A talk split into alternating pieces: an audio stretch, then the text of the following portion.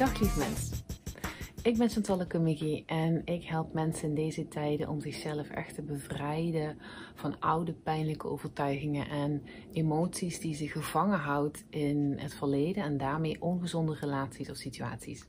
In de aflevering van vandaag ga ik het hebben over iets wat me echt na aan het hart is en dat is de emotionele relatie die we met geld hebben.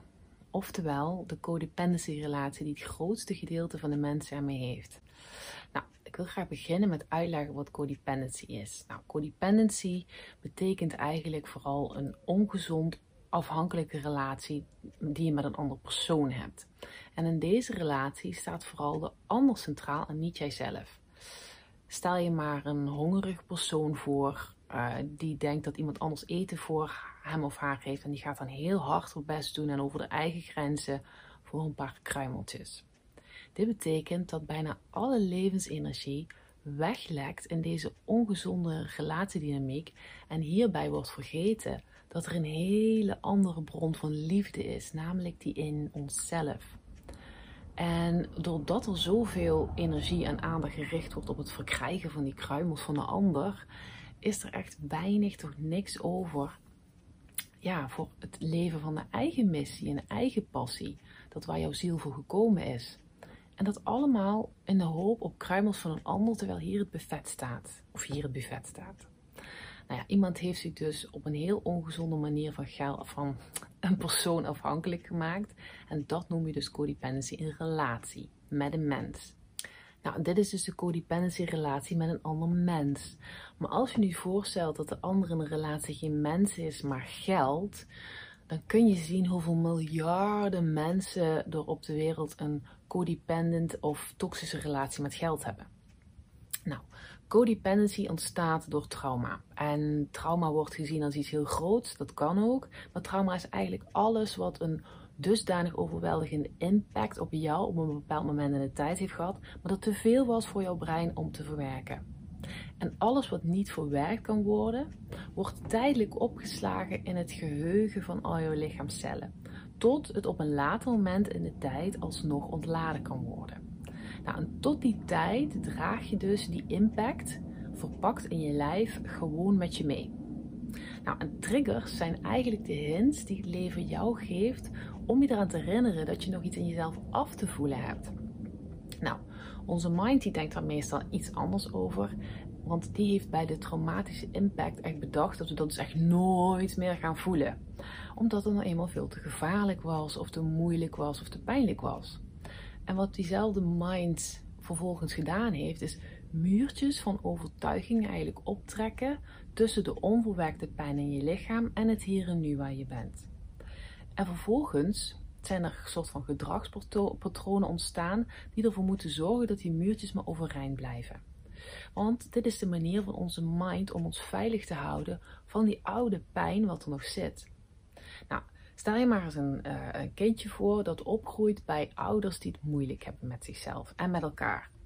Nou, er is dan misschien heel weinig ruimte voor de behoeften van het kind. Dat moet vooral maar lief zijn en zich gedragen.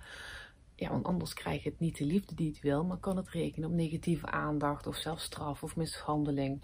Nou ja, wat het ook was, het kind komt eigenlijk vanuit de geboorte, vanuit een liefdes, overvloedig liefdesbewustzijn. En dan komt het ineens in aanraking met de pijn dat de liefde en de aandacht er niet of nauwelijks is. Nou, en deze pijn kan het niet verwerken, omdat het nog geen relativeringsvermogen heeft en de emoties nog niet kan reguleren. Nou, voor het systeem van het kind, voor het lichaam, is dit dus traumatiserend.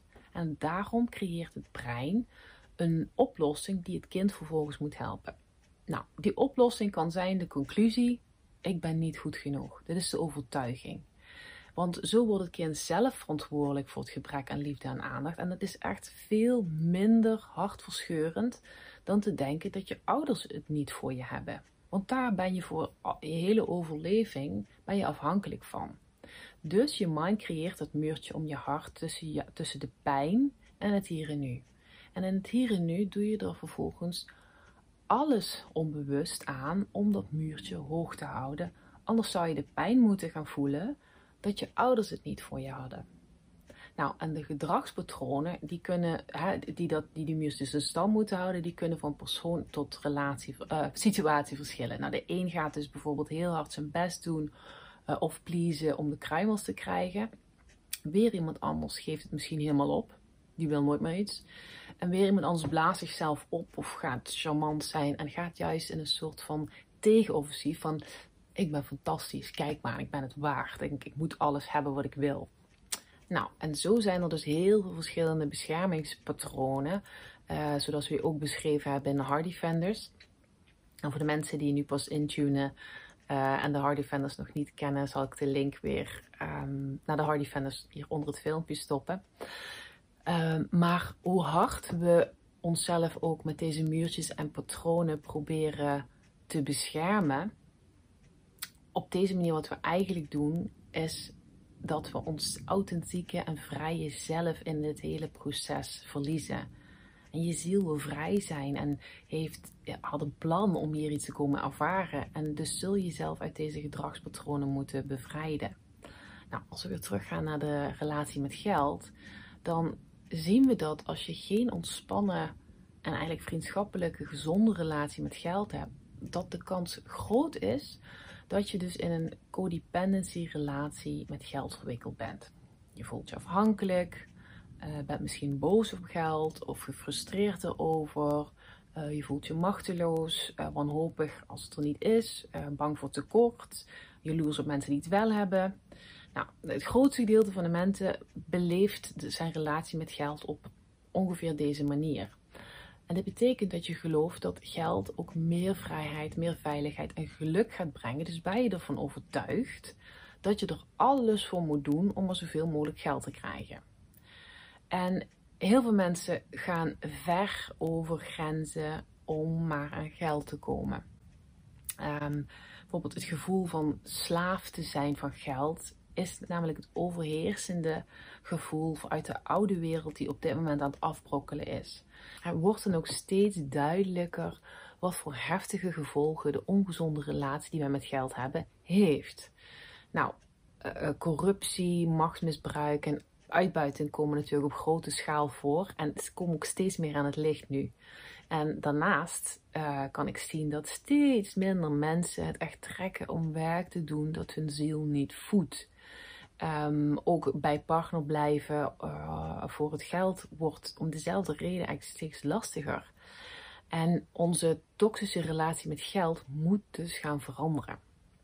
En zoals altijd zijn bewustzijn en erkenning echt de allereerste stap in deze verandering. Dus heel tof als je tot hier geluisterd hebt. Um, want het is echt een belangrijke stap om te zetten. Nou, en een andere belangrijke stap om te zetten is het inzien van de projecties uh, die we naar geld hebben. Er is namelijk een heel groot verschil tussen de toxische codependency relatie die we met een andere persoon hebben en de toxische relatie die we met geld hebben. Nou, in de relatie met een andere persoon klik je als het ware met jouw innerlijke beschermingspatroon met die van de ander. En hierdoor ontstaat er dus een ongezonde relatiedynamiek die je samen ook in stand houdt. Nou, jij projecteert dus je oude pijn op de ander en de ander projecteert oude pijn terug. En dat is eigenlijk iets rommeliger, nou ja, veel rommeliger dan de relatie met geld. Want geld is namelijk neutraal. Dat heeft geen uh, familiepatronen of beschermingsmechanismen waarmee uh, de jouwe dus die ongezonde dynamiek in stand houdt en waar je uit moet worstelen. Dus geld is in die zin een heel schoon middel waarmee je eigenlijk de projecties van je eigen trauma-overtuigingen kunt zien. Want dat is wat het zijn. Het zijn jouw eigen overtuigingen van geld die de beleving van jouw relatie met geld kleuren. Geld is smerig. Uh, geld zorgt alleen maar voor ellende. Uh, geld is alles wat er is. Geld is het belangrijkste. En als je heel even de tijd neemt om aan geld te denken of aan je bankrekening, dan kan het zijn dat er, dat, dat meerdere sensaties, één of meerdere sensaties in je lijf oproept. En deze kunnen prettig of onprettig voelen. Nou, bijvoorbeeld een onprettig gevoel is een onrustig gevoel in je buik. Nou, als je zoiets voelt, dan weet je dat er een oude pijn rondom geld getriggerd is. En deze trigger is in dit geval een reminder van het leven, van de bron, dat er nog pijn achter jouw opgetrokken muurtje zit. Pijn, oude emoties, oude overtuigingen. En zolang je deze emoties of oude energie niet reguleert door het te doorvoelen, dan blijf je eigenlijk gevangen in de oude gedragspatronen die dit muurtje dus in stand houden. En op deze manier blijf je dus ook vastzitten in een baan of in een relatie vanwege het geld. Of je vraagt standaard misschien te weinig geld voor jouw diensten als zelfstandig ondernemer, omdat je bang bent dat je klanten dan weglopen of je niet waard vinden. Nou, en op deze manier houden we dus onze ziel gevangen in het, in het geldrad. Nou, ik wil ook graag een voorbeeld geven van uh, hoe een toxische relatie met geld ontstaat, om mijn eigen verhaal te delen. En ik was uh, zeven jaar en mijn moeder was degene die me vanuit uh, haar eigen ongezonde relatie met geld op, op die leeftijd dus op een gegeven moment waarschuwde dat ik altijd veel geld zou moeten verdienen, want als ik, anders zou ik niks kunnen betalen. Dat was haar, haar verhaal. Dus ik vroeg van, ah, ook geen huis? Nee. Ook geen eten? Nee. En nou, dit maakte dus echt dat die leuke, onschuldige guldens en kwartjes en briefjes waarmee ik torentjes bouwde en zo, dat kreeg ineens iets heel gitzwarts over zich heen. En ik wilde er eigenlijk niks mee te maken hebben. Nou, op dit moment was mijn innerlijke avoider in werking getreden en ik dacht, ik wil niks met geld te maken hebben. Nou, aan de andere kant had ik mijn hardwerkende vader, die vooral voor het geld werkte en duidelijk niet voor de lol. En dit gaf me echt onbewust de overtuiging dat we eigenlijk allemaal slaaf van dat geld zijn. Dus dat werd nog eens versterkt. Dit alles is mijn onbewuste beleving van mijn ouders geweest. Maar pas toen ik dit helderder kreeg, begon mijn relatie met, met geld positief te veranderen. Ik ervaar geld nu steeds minder als iets engs en een noodzakelijk kwaad waar ik heel hard mijn best voor moet doen om het maar te krijgen. En het mooie is dat geld echt de neutraalste spiegel en energie is die we op dit moment tot onze beschikking hebben. Je kan werkelijk een vriendschappelijke relatie met geld opbouwen door de oude pijnen in je eigen lichaam als het ware af te voelen. Want in zekere zin heeft uh, ja, de relatie met geld, um, ja, staat symbool ook voor jouw relatie met God of universum of de bron. En het vertrouwen dat overvloed er echt voor jou is. En dat als jij je hart volgt, dat je dan ondersteund wordt in dat proces. En dat je dan misschien niet eens wel die honderdduizenden of miljoenen euro's nodig hebt om je vrij en veilig te kunnen voelen in je leven. En dat je niet je ziel hoeft te verkopen om te overleven. Nou, uiteindelijk willen de meeste mensen heel veel geld, zodat ze zich vrij kunnen voelen. Maar als je dan de vraag stelt waarvan mensen zich vrij willen voelen, dan is het antwoord eigenlijk dat je je vrij wil voelen van de vervelende, beperkende emoties die geld in ons oproept. We willen eigenlijk de muurtjes niet meer nodig hebben, maar zijn dus bang voor de pijn die deze muurtjes tegenhouden. En, deze, en onze gedragspatronen weerhouden ons er dus ook van om echt de oorspronkelijke verbinding met dat veld van vertrouwen en overvloed in jezelf te voelen. Want je kan niet één ding op slot zetten en dan alles blijven voelen. Dicht is dicht. En de bron in onszelf is precies daar waar onze levenslust en creativiteit ook vandaan stroomt. Dus is geen slavenmeester of iets dat we moeten zien te controleren.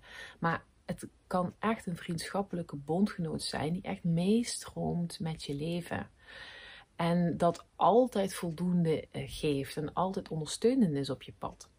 En het goede nieuws is dat dit dus echt de tijd van het grote ontwaken is, the Great Awakening. Want de zieke machtsstructuren van de oude wereld worden nu steeds duidelijker en dat wat niet waar is, komt allemaal aan het licht. En het is nou eenmaal niet waar dat jij hier geboren bent om slaaf van geld te zijn. En de energie van de huidige tijd ondersteunt ieder van ons in het proces van loslaten van ook de eigen ongezonde structuren die ons afgescheiden houdt van de hoogste waarheid. Dat is namelijk onze innerlijke bron, dat is onze leider, leiding. En alle triggers, zeker die rondom geld, zijn een geweldige kans om jou te bevrijden van jouw oude pijn en de illusies die deze wereld gecreëerd heeft om ons bij ons ware zelf weg te houden. Je bent namelijk niet geboren om hier slaaf van geld te zijn. Je bent zelf de liefde die een lijntje heeft met de alvoorzienende bron. En ik deel graag mijn kennis en ervaring om jou te ondersteunen, om jezelf te bevrijden van jouw eigen innerlijke pijnlijke overtuigingen en emoties die jou gevangen houden in jouw eigen, achter jouw eigen muurtjes. Nou, als je deze boodschap waardevol vindt, like hem dan. Eh, zodat YouTube hem vaker kan laten zien aan anderen. En stel gerust je vragen in de comments als je vragen hebt. Ik snap dat dit onderwerp een heleboel oproept. Um, en als je meer wil weten over het onderwerp en wat ik hier meer over ga delen, subscribe dan. Bla, subscribe dan en klik op het notificatiebelletje om te hoogte te blijven van de volgende aflevering. Ik wens je voor nu een hele fijne dag.